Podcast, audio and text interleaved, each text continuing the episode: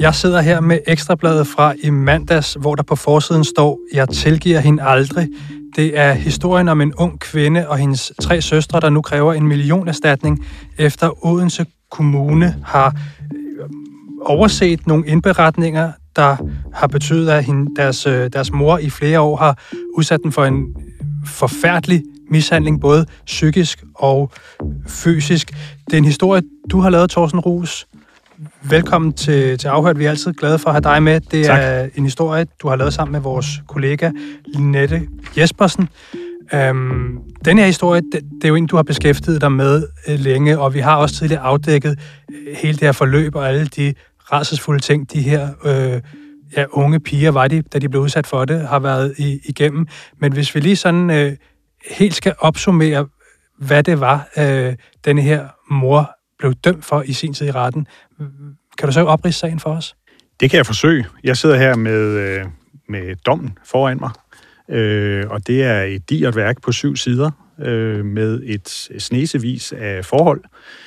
Og øh, sådan i grove træk, så handler det om, at hun blev dømt for, for vold, en, en, en utallige tilfælde af vold, men ikke sådan øh, øh, grov vold, men, men det er mere sådan omfanget, der falder i øjnene, og for øh, øh, psykisk øh, vold og mishandling af sine døtre. Det går helt tilbage til, til pigernes, da de var helt små. De er i dag 29, 19, 16 og 15 år gamle, men det går helt tilbage til øh, øh, 1996, hvor kommunen modtager den første indberetning. Og det, vi taler om, det er, altså det, det er grufuld læsning i virkeligheden. Det, det, det stikker nærmest i hjertet, når man læser det. Øh, der er eksempler på, at, øh, at den her mor, som jo altså er dømt øh, for, for de her forhold, hun, øh, hun har stukket pigerne med nåle under neglene øh, til de bløde, og hun har, øh, der er eksempler på, at hun har taget kvælertag på dem. Øh, altså, jeg ved næsten ikke, hvor jeg skal slutte, hvor jeg skal, hvor jeg skal starte, men altså, der er en af pigerne blev tvunget til at, at, at slikke gulvet rent øh, i familiens villa i Odense, øh, og der er et eksempel på, at øh, hun har børstet tænder, så nærmest rutinemæssigt, øh, så det blødte. Så det er altså helt, helt overordnet øh, en, en fuldstændig enestående ondskabsfuld øh, opførsel. Og der er jo også et element af noget psykisk øh, vold imod de her børn, altså faktisk ret øh, meget øh, psykisk ja, altså, øh, overgreb jo... på dem. Altså hvad er det for eksempel, hun har udsat øh, sine fire børn for? Jamen altså det, var, det, altså, det her hjem skulle jo fremstå perfekt. Øh, der måtte ikke være en finger at sætte, og pigerne blev instrueret i, at når man fik øh, gæster, så skulle de opføre sig på en bestemt måde. Og når gæsterne så var gået igen, så, var det, så holdt hun simpelthen de piger øh, i et jerngreb. Øh, de, de, de var aldrig gode nok i skolen, øh, og, og måske det mest vanvittige eksempel, det er den ældste, nu, øh, nu øh, øh, 25-årige øh, Mille. Øh, hun blev jo allerede som 8-årig, øh, så, så skulle hun nærmest holde hus. Hun skulle hente sine yngre søstre i, øh, i øh, øh, vuggestue og i børnehave og i skole, og så skulle hun direkte hjem og gøre rent og, og forberede aftensmad. Så hun oplever, at hun aldrig har været barn. Men, men altså, hvad er det her for en familie, siden det her kunne stå på i så lang tid? Altså, dommeren beskrev det i, for, i forbindelse med, at, der blev, at øh, moren blev dømt. Der beskrev hun det jo som et, et øh, udad til pænt øh, hjem, men indad til øh, fuldstændig dysfunktionelt. Moren, øh, som, som jeg jo har, har, har truffet i retten, og som jeg faktisk også har vekslet på ord med, øh, fremstår som sådan en mellemting mellem en, en tidligere topmodel og en øh, administrerende direktør. Øh, meget veltalende, øh, øh, nydelig dame, øh, veltrænet øh, og, og på overfladen smilende og, og sød. Men hun har haft den her tvangstanke, at, at, at der ikke måtte øh, ligge et hår skævt i det hjem. Og, og det den tvangstanke blev, blev ligesom plantet i pigerne, fra de var helt små også. Og, og øh, moren, hun får jo en fængselsdom på, på to års fængsel ja. for øh, alle de her rædselsfulde ting, hun udsætter mm. sine døtre for. Hvad forklarer hun selv om, om grunden til, at hun, øh, hun gør de her ting? Altså, hun, øh, hun erkender, at hun har været striks, øh, og at, at, at, at hun synes, øh, altså hun erkender, at, at, at, at, at de blev kørt hårdt, pigerne. Men hun mener jo selv, at hun gjorde det for deres egen skyld. I første omgang nægtede hun sig jo skyldig, men hun valgte jo så øh, ved nærmere eftertanke at modtage dommen. Men altså, hun, øh, hun, hun har haft den her idé, at, øh, at, at hun gjorde det for pigernes skyld. Omvendt siger pigerne jo, altså vi har jo især, især talt med, med den øh, ældste datter, øh, og hun siger jo, at, øh, at, at hun aldrig oplevede at øh, omsorg og kærlighed. Altså hun har aldrig oplevet at få et kram af sin mor. Øh, moren kunne godt skrive, sende et, en, øh, et emoji-hjerte øh, på telefon, men, men, men i, i virkelighedens verden, så oplevede de piger der, at, hun, øh, at, hun, at det nærmest var en, øh, en virksomhed, hun drev. Og hvad er det, der ligger til grund for dommen mod, øh, mod moren her. Er det øh, som udgangspunkt pigernes forklaring, eller ligger der nogen, øh, ligger der noget dokumentation, ligger der noget, øh, nogle sådan fysiske, konkrete beviser? Altså man kan roligt sige, der der ligger øh, meget materiale. Øh, kommunen har i siden 1996 modtaget øh, mindst 13 indberetninger. Øh, dels fra pigernes fædre, øh, som hun jo spillede ud imod pigerne øh, systematisk. Ja, og vi, skal, også, lige, vi skal lige sige, at de her, mm. de her døtre, de har forskellige fædre, ja. øh, og så det er ikke den samme far til, til alle børnene, men... Det er rigtigt. Og de blev i, i lange stræk forment adgang til deres, øh, til deres børn. Øh, men det er ikke alene fædrene, der har givet indberetninger, det er også naboer, det er øh, pigernes skole, det er statsforvaltningen, så der er utallige indberetninger, også mundtlige, som ikke er talt med i materialet. Og hvad øh, går de indberetninger på? Kan du give et jamen, eksempel? En, jamen altså, de går på, at, øh, at, at uh, i, et, i et enkelt tilfælde skriver den ene far, at han simpelthen frygter for pigernes liv.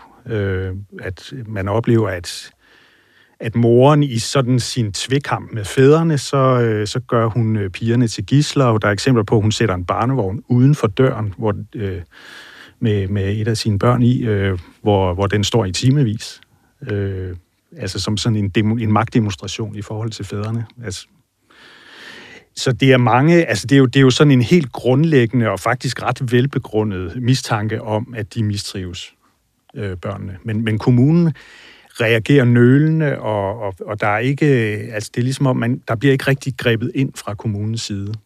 Nej, nej, fordi nu kan vi jo se, altså straffesagen er jo afgjort, moren er dømt, øh, og nu er det jo så, du har jo fået øh, den her, øh, den ene af døtrene i tale, 25-årige Mille Sofie Larsen, som jo, øh, og det er jo også lidt ekstraordinært, at et offer i sådan en sag her øh, står frem og for, fortæller hele historien. Hvad, hvad er det, øh, hun øh, har at sige til, til kommunens ansvar og til det, svigt, hun jo føler, der er sket fra kommunens side? Altså, det er jo vigtigt at påpege, at det faktisk er, er Milles fortjeneste, at sagen overhovedet øh, kommer til, til politiets kendskab. Øh, fordi hun øh, tager mod til sig øh, efter lange, svære overvejelser og skriver en, øh, den indberetning, som, som får sagen til at rulle i august sidste år. Øh, og og øh, bruger uvis på at skrive den her indberetning. Øh, og, og det er jo så den, der udløser, at, at, at politiet tager affære og anholder moren. Øh, og, og det, hun forklarer, det er jo altså, altså hendes, hendes øh, ærende med det her, øh, den her stævning, og, og der er pigerne enige, det er, det er jo et behov for, at, at nogen tror på dem. De har oplevet at blive øh, mistroet øh, igennem alle årene.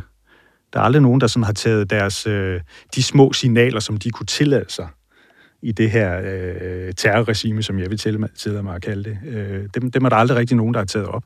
Og nu, nu har de simpelthen behov for, at en offentlig myndighed anerkender øh, den forfærdelige barndom, de har haft med at gøre, anerkender et medansvar.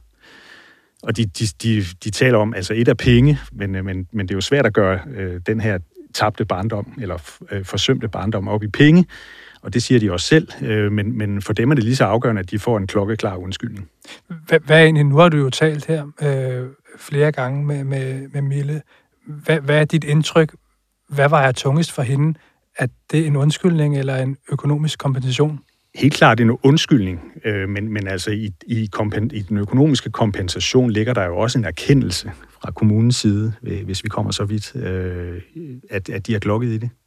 Og hvad er det, de kræver? Altså, der er jo en økonomisk øh, kompensation, og der er vel sat et beløb på, hvad de ligesom øh, øh, beder kommunen om at, at erstatte. Ja, altså man kan sige, at første omgang fik de jo i forbindelse med retssagen det, man kalder en, øh, en, en tortgodtgørelse, mm. øh, som er et relativt øh, beskeden beløb. Det, det kan man jo diskutere, men de fik hver 30.000. Og det var noget med, at dommeren sagde dengang, at det var alligevel øh, ekstraordinært højt, Det var, det var helt, var... helt usædvanligt højt øh, sat, ja. øh, og det kan man jo så tænke over øh, om, om, om, at det er så prisen for 15 år i, øh, i et regulært helvede. Ikke? Øh, men den her stævning, som nu er sendt afsted, den knytter sig i virkeligheden ikke til dansk lovgivning, men, øh, men øh, artikel 3, øh, som betinger, at øh, en offentlig myndighed, også i Danmark, øh, er forpligtet til at gribe ind på en mistanke om, at børn mistrives. Altså hvis børn øh, øh, er udsat for en, øh, en øh, nedværdigende og umenneskelig behandling, som det hedder, så er kommunen forpligtet til at gribe ind. Og det er ikke nok, at, at der sådan ligger en dom eller, eller, eller et, en, en beviselig mistrivsel. En mistanke er nok. Er det noget, øh, altså hvor god er deres sag egentlig? Er det noget, vi har set før i, i, i Danmarks historie, at, at man har brugt den her artikel 3? Vi har talt med Mads Pramming, som har ført seks af de ti sager, der har været ført, øh, sammenlignelige sager. Øh, det er jo et nyt fænomen, øh, relativt nyt fænomen, og han har så i parentes bemærket vundet, øh, vundet dem alle sammen. Øh, og han siger, at det her, han har aldrig haft så stærk en sag mellem hænderne. Altså han, han har meget, meget svært ved at se, at kommunen kan løbe fra sit ansvar i den her sag, fordi der ligger alle de her indberetninger, indberetning på indberetning på indberetning til kommunen. Ved, ved man, hvorfor kommunen ikke reagerer på det? Altså, det kan man jo... øh, Det kan, det, altså, kommunen har jo ikke ville tale med os endnu. Øh, De, nu, nu skal sagen gå sin gang, men altså det fædrene siger, og det døtrene også er inde på, det er, at, at udadtil var det jo et pænt hjem. En, øh, en, øh, et, alt, alt var snorlige, altså det, der var et, når folk kom på besøg i hjemmet, så var det hele instrueret. Øh, der var, der var blomster, friske blomster i vaserne, og, og der var hjemmebag, og der var Lego på gulvet og så videre. Og moren optræder øh, jo som, som det, den perfekte mor udadtil. Øh, velklædt, øh, velformuleret, intelligent. Øh, og det har givetvis snydt øh, øh, striben af sagsbehandlere, som har været inde over den her sag. Så der har været sagsbehandlere i hjemmet og, og talt med børnene, og, men, Men, Jamen aldrig i dybden. Altså det, de forklarer døtrene, det er, at moren ret hurtigt tog over. Og det ligesom var hende, der repræsenterede døtrene. Og døtrene turer ikke... Altså det har vi også spurgt ind til. Hvorfor sagde I ikke noget? Hvorfor slog I ikke alarm? Og der har Mille forklaret, at det, at det, det turde hun simpelthen ikke. Hun, hun fik at vide, at øh, moren havde sagt til hende, at hun ville, øh, hun ville øh, miste kontakten med sine øh, søstre. Og de fire søstre har et ubegribeligt tæt sammenhold. Øh, og det kan man sige, det er måske den eneste positive øh, konsekvens af den her sag. Det er, at de, jeg, jeg har sjældent oplevet mennesker være så tæt knyttet og, og, og nære så dyb en tillid til hinanden og forståelse for hinanden. Men, så må det også have været utrolig svært for, for Mille her at skulle skrive den her sidste indberetning, der får snebolden til at, at rulle, ja. fordi hvis hun har haft den her trussel om, at, at hun måske potentielt kunne miste kontakten til sine søstre. Ja. Øh, men, Men, men, men øh, hvad er det, der gør, at hun endelig sætter sig ned og gør noget ved det? Jeg tror, det, øh, det, er, det er det forhold, at hun øh, får moren på afstand. Hun flytter hjemmefra som 19-årig øh, og indleder et forhold til en, en, en kæreste. Og, og, og jeg tror simpelthen, det har, øh, at det har fået hendes, åbnet hendes øjne for, hvad der, hvad der egentlig foregik. Altså nogle gange kan det være svært at, at se skoven for bare træer, når man står midt i skoven. Man skal ligesom ud for at, se- at se det udefra. Ikke? Men altså, jeg, jeg kan nævne som eksempel, at øh, da, de, da de sidder i retten, de her fire piger, jeg var til stede, da dommen faldt, der sidder de med, og- med hinanden, altså tæt sammenslynget nærmest, med hinanden i hænderne. Og da dommen falder, så, så græder de spontant af lettelse. En kæmpe forløsning. Torsten, her til slut, inden vi lige runder helt af, hvad er det for et liv, de her piger lever i dag? Altså, jeg, jeg tror ikke, jeg krænker dem ved at sige, at, at det er et svært liv. Altså, de har alle sammen øh, ar på forskellige vis. Altså, Mille, den ældste, har jo forklaret, at hun har problemer med spiseværing og andre ting. Og har også, øh, har også været ude i selvskade, øh, hvor hun har skåret sig selv for at finde ro. Øh, men det, der er det interessante ved de piger, det er, at, at de er helt vanvittigt velopdragende og rare og omgås og, og belevende og smilende, men man skal ikke krasse ret længe i overfladen. Så, så er der altså et, et, en stor vrede og smerte i dem. Vi må se, om øh, de får denne her øh, undskyldning, de så gerne vil have, og, øh, og også en, en eventuel kompensation. Det, jeg går ud fra, at øh, du ikke helt har sluppet taget i, i sagen endnu. Så, Bestemt ikke. Så, så når det sker, så vil vi jo altid gerne have dig herinde i afhørt, Thorsten. Tak. Tak fordi du kom. Velbekomme.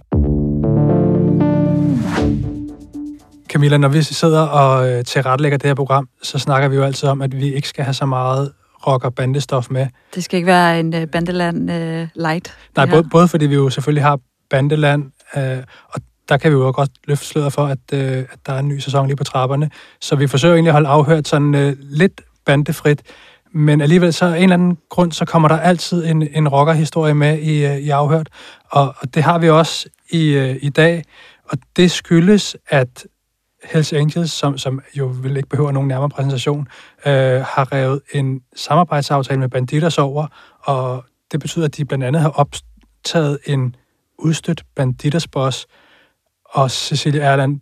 Det er jo en historie, ja, vi to har jo vel lavet den sammen øh, og med, med, med Sune Fischer. Denne her samarbejdsaftale, som, øh, som HA nu har øh, revet over, hvorfor har de gjort det? Jamen, øh, det skulle der øh, ifølge vores oplysninger være flere årsager til. Altså selve samarbejdsaftalen blev lavet egentlig tilbage i 98 og afsluttede ligesom den store nordiske rockerkrig. Øhm, og siden er den blevet revideret lidt øhm, hen ad vejen, men, men, men i hvert fald så er det, øh, ja, ifølge vores oplysninger, af flere forskellige årsager, og man kan sige, at den, den sidste øh, dråbe, der fik bæret til at flyde over for Hells Angels, var, at Banditos holdt en fest, hvor de havde inviteret medlemmer af den her forbudte bande, Loyal to Familia. Det virker altså lidt, øh, øh undskyld, jeg siger det sådan, øh, lidt, lidt komisk måske, at øh, fordi den anden klub, man har en aftale med, så inviterer nogle andre venner med til en fest, så, øh, så river man en samarbejdsaftale over. Ja, altså det kan man sige. Øh, og igen, der er helt sikkert også en, altså flere ting, der kommer over, altså oven i hinanden, øh, der gør, at man har valgt at, og, og, øh, og, og sige til banditter, at man ikke længere har den her samarbejdsaftale. Og altså, altså det, som Sune Fischer vil kalde et mudret billede? Det er absolut et øh, mudret fjendebillede, ja. som Sune Fischer ville have kaldt det. Men, men altså, vi skal måske lige holde øh, lytterne lidt i hånden. Altså, den her samarbejdsaftale, som er blevet revet over, hvad, hvad er det, øh, altså, hvad indebærer den? Altså, først og fremmest så indebærer den jo, at man øh, i sin tid delte Danmark op i byer, og det blev aftalt, jamen man starter ikke en ny afdeling i en by, hvor at øh, den anden rockerklub allerede er placeret. Og herudover så man også meddeler, hvis det er, at man starter op et andet sted, man skal øh, hilse pænt på den anden klubs medlemmer, og så var der så også en række øh, altså, altså muligheder for ligesom at sanktionere, hvis det er, at nogle af medlemmerne ikke overholdt det her. Altså det var blandt andet, altså du kan blive suspenderet eller helt ekskluderet. Og, og man kan sige, at hele, hele ideen med det her var jo at holde ro og fred imellem rockerklubberne, så man ellers kunne bruge energien andre steder køre motorcykel. Er, er det sådan en øh, helt fysisk aftale, de har reddet over? Altså, jeg ved ikke, om der er en, der har stået du ved ikke, med. Med papir om stået, ja. Jeg håber det lidt. Ja, det kunne have været en fed scene. Faktisk, det er jeg ikke klar over. Altså, det er klart, den har været skrevet ned.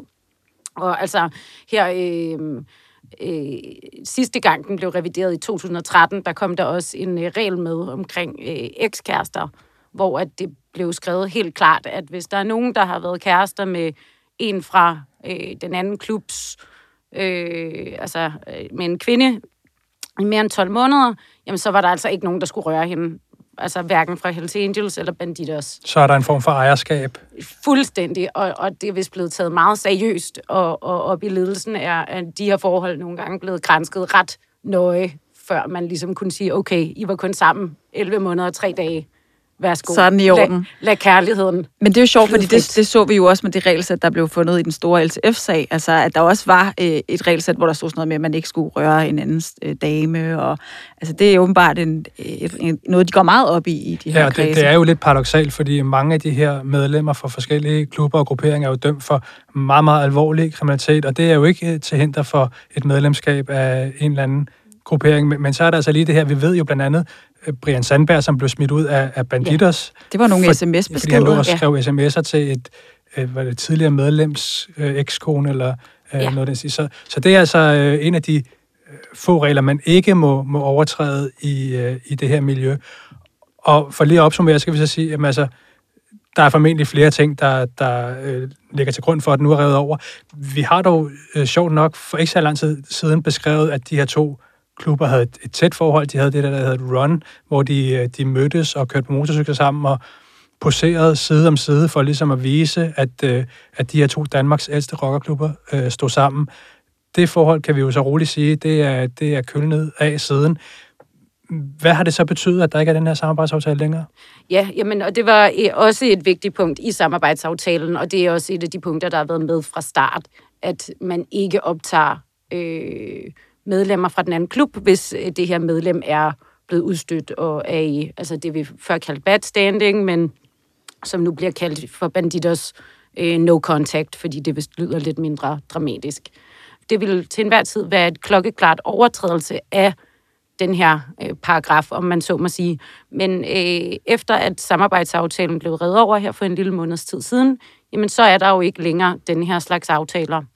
Og umiddelbart efter, at samarbejdsaftalen blev revet over, så er det, at øh, den her tidligere øh, præsident for Danmark, øh, Jesper Schulz, han øh, blev altså begyndte at, at, at sammen med en, en, en større gruppe af tidligere banditersmedlemmer, at man begyndte de her forhandlinger, der, øh, der så endte med, at man her i weekenden kunne præsentere fem nye prospects i øh, Hells Angels Copenhagen-afdeling, og her var Jesper Schulz en af dem.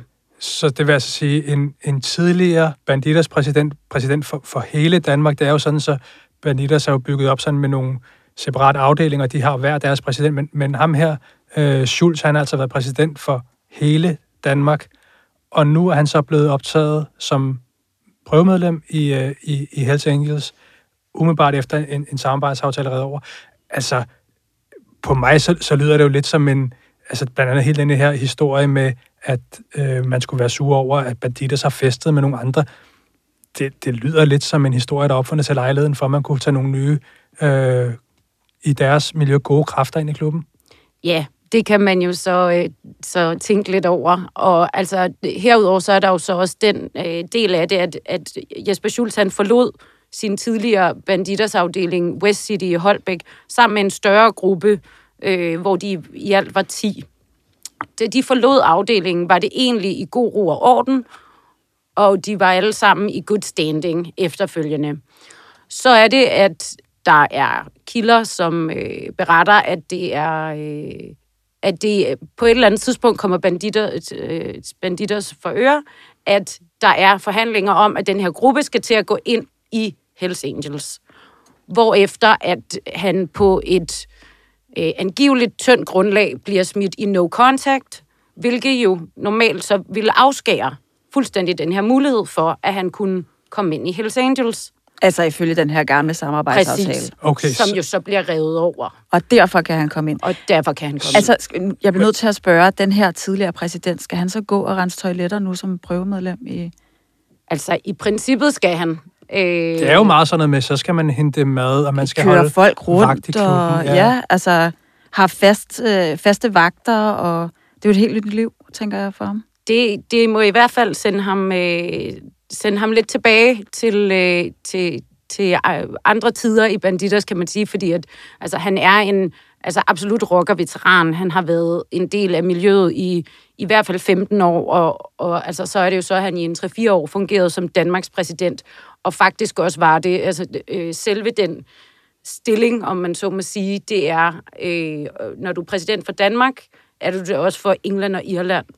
Så, så man kan sige, det er jo en absolut toprocker, vi har med at gøre her, som ligger lige under den, øh, altså Europapræsidenten, øh, kokken, Michael Rosenvold, som, som der måske er, er flere, der kender. Ikke? Øh, så, så man kan sige, på den måde er det jo en, øh, en noget anden tilværelse, hvis han skal gå og øh, feje efter fester øh, i, i sin nye klub. Har du egentlig talt med ham?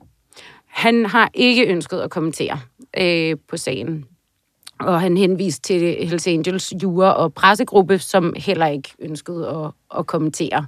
Og, og der kan vi jo også sige, at, øh, at vi har også spurgt Banditers, fordi der fik jeg i hvert fald en besked, hvor der, øh, jeg tror, de skrev, at de taler stadigvæk ikke med Ekstrabladet, så, så vi har heller ikke kunne få Øh, banditters udlægning af, af den her historie, og hvad de egentlig siger til, at nogle af deres tidligere medlemmer jo altså nu er over hos, hos Hells Angels. Men, men altså, he, hele det her, hvis man lige skal, skal sådan øh, opsummere det, så er der nogle banditters folk, der, der rører ud af, af deres klub, og så begynder de at, at flirte med Hells Angels, og da banditters hører det, så forsøger de på en eller anden måde at stikke en kæppe i hjulet ved at smide en af dem ud, fordi så ved de godt, at så må Hells Angels ikke optage dem øh, så siger Hells Angels, jamen det må vi jo ikke, fordi der er en aftale, men nu har I til gengæld festet med nogle, øh, en gadebande fra øh, LTF, så derfor river vi den. Altså, det, det her, det, det, det lyder jo øh, altså som noget, noget meget internt, øh, og måske noget, man endda kunne, øh, kunne sige, også kunne finde sted af mulige andre steder, altså i, øh, i erhvervslivet og mulige andre steder, hvor man tager medlemmer og, og headhunter hinanden. Hvorfor er, er det her overhovedet vigtigt? Altså man kan sige, at det her er vigtigt, fordi det jo spiller ind i det her større billede, der hedder, vi har en bandeverden eller en rockerverden, der lige nu er altså ulmer. Altså alle prøver at positionere sig. Vi har et HA, der i forvejen er i gang med at opruste. De har genstartet AK81. Og det her er jo så bare endnu et træk, at de tager nogle erfarne kræfter ind i deres klub. I, i det her er der så også det lille twist, at den gruppe af øh, tidligere banditersfolk, der nu er gået ind i HA, den kunne faktisk have været større. Det var i virkeligheden meningen, at der var 10 medlemmer, og ikke de fem prøvemedlemmer, der nu er blevet præsenteret, som skulle have været en del af det. Banditers øh, lykkedes med i sidste øjeblik at hive fire af medlemmerne tilbage igen, ved at love dem en afdeling for sig selv.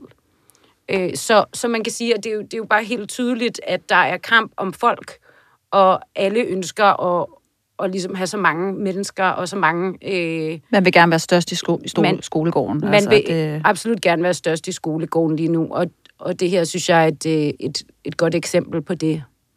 Men ved du så, hvordan er forholdet mellem Hells Angels og Banditers lige nu?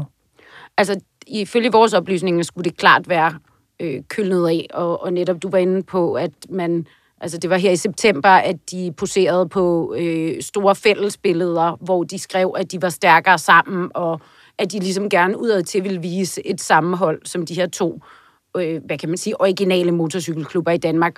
Og det, der går nok lige et øjeblik, før vi ser sådan et fællesbillede igen.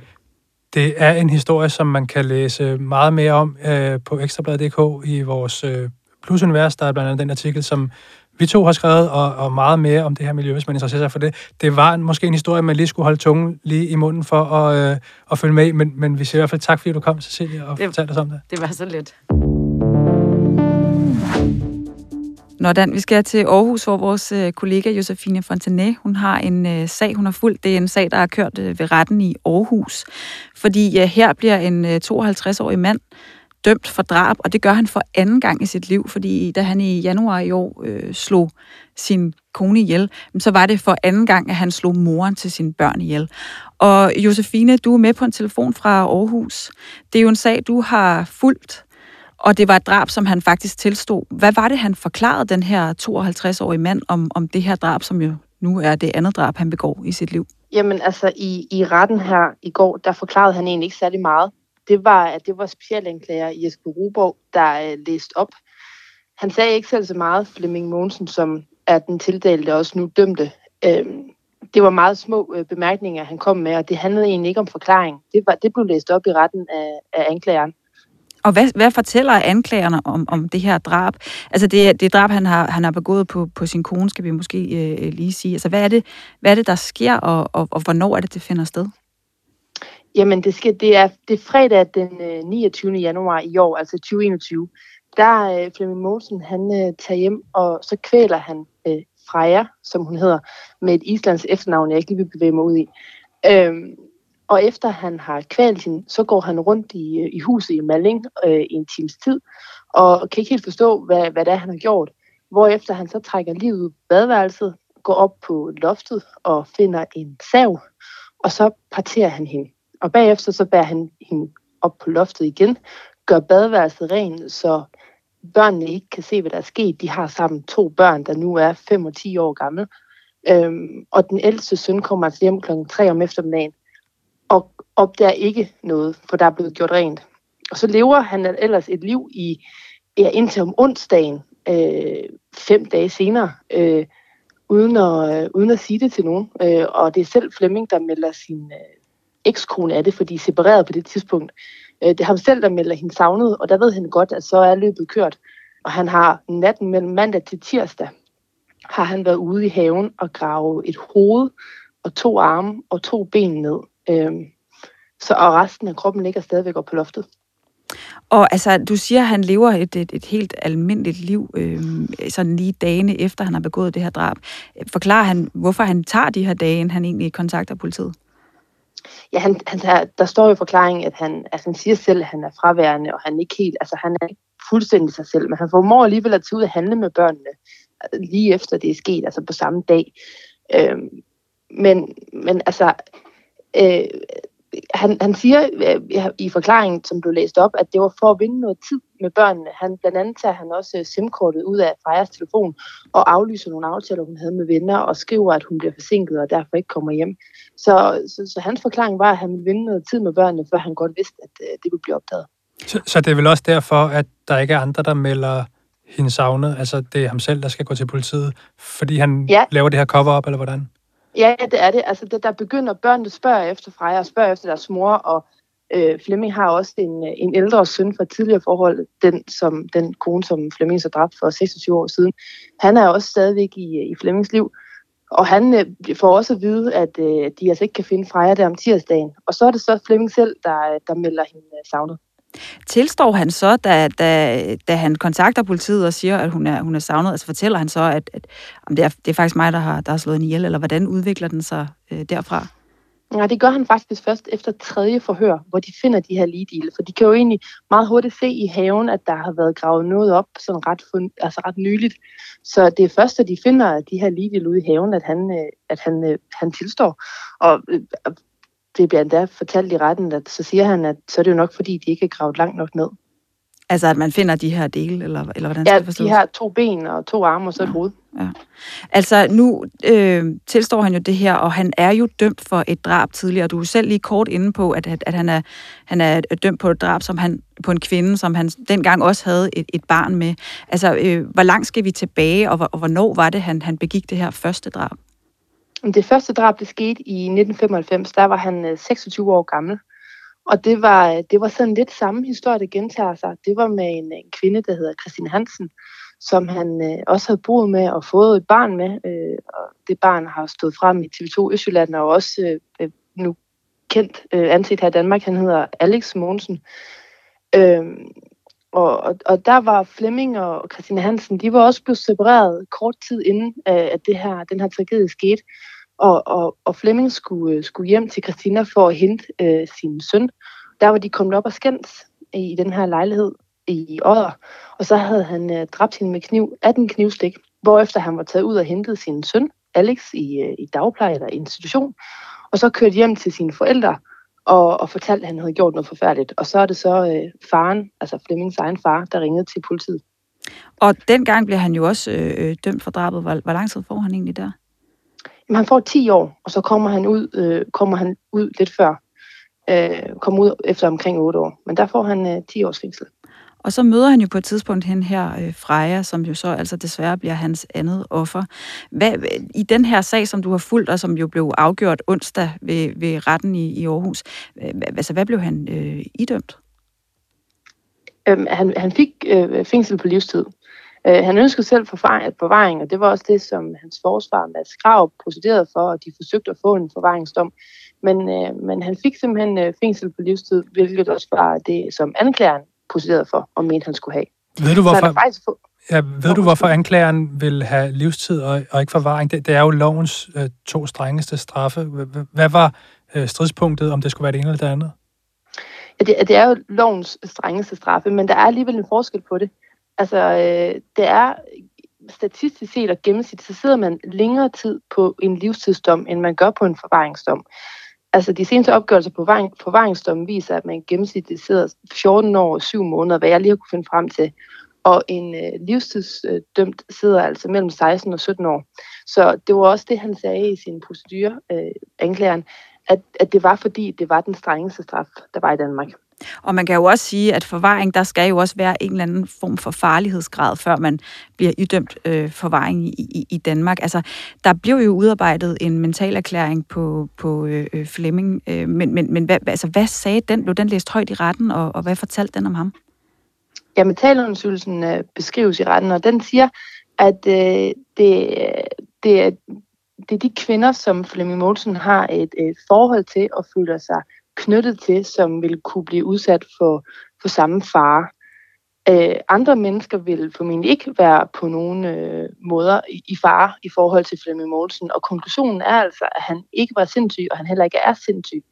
Øh, og han var det heller ikke i gerningsøjeblikket. Han havde en, en narcissistisk personligheds... Øh, øh, struktur, som gjorde, at han ligesom var blevet trigget af det her med, øh, at de var så gået fra hinanden. Det var, det var en stor tragedie for ham, og så har, så har Freja så valgt at pille øh, navnet af, af postkassen i huset Malling. Det er en af de ting, der har trigget ham. Udover det, så har hun øh, angiveligt skulle have fundet en ny mand, hun var taget på ferie med, og, og han, har, han har følt, hun har, har løjet, og det var også det, der kom frem i retten, at det, det var de ting, der havde, øh, havde trykket ham. Så altså, man har ikke fundet, at, at han, er, han er farlig for omverdenen andet end for de kvinder, som han er særligt tilknyttet til, eller, eller har et, et forhold til. Er, er det sådan, ja, det skal præcis. forstås? Ja. Lige, ja, det er lige præcis. Og øh, altså, nu vil han jo selv have forvaring, øhm, ja. og har han fortalt noget om, hvad han selv vurderer øh, om sin mentale tilstand? Altså? Ja, altså det, det lige inden, at, at dommerne og de to domsmænd, de gik ud for at votere, hvad, hvad, hvad straffen skulle være, så fik Flemming Mogensen selv ordet. Og der sagde, han, øh, der sagde han selv, at han ikke har fået den hjælp, han mener, han skulle have haft efter det første drab for 26 år siden. Han har gået øh, i, med, med en skyldfølelse, også i forhold til hans søn, for, for at tage hans mor fra ham i alle de år, han ikke har fået bearbejdet. Og, øh, og i december øh, 2020, altså øh, nogle måneder før, at andet drab sker, der henvender han sig også øh, til, til Center for Selvmordsforbyggelse, og øh, går også til psykologsamtaler, og er også inde i et forløb, men han bliver, han bliver, han bliver afvist for Center for Selvmordsforbyggelse øh, den 17. december, mener jeg, det er. Øh, så han, han har selv en kritik af systemet, og mener, at han ikke har fået den hjælp, han skal have. Og det er også derfor, han vil have en forvaringsdom, fordi der øh, oplever han, at der, eller der tror han på, at der er mere hjælp at hente, end han har fået tidligere, og har også, som, hvor han sidder nu, har han heller ikke, kommer han også med en kritik af, at han heller ikke har fået nogen hjælp i de 10 måneder, han har siddet nu. Ved du om, altså nu kan du, siger du her, at han selv på en eller anden måde har forsøgt at få noget hjælp, i hvert fald noget selvmordsforebyggelse, øh, men har han været voldelig over for den her kvinde før, eller, eller er det første gang, der er, er noget i den retning, at det her sker? Jamen, der har, altså, der har, der, har, der har jeg og de andre journalister egentlig mest det, der er kommet frem i dokumentaren på TV2 i Jylland, hvor Alex, altså en voksne søn, har fortalt om, hvordan det er at have boet sammen med ham og Freja. Altså han kom jo hjem og boede hos sin far, da han var 10 år gammel. Indtil da har han boet ved sin farmor og farfar. Og da han så er 10 år gammel, så får øh, Flemming forældremyndighed over ham igen, og så flytter han hjem til Flemming og Freja og bor der.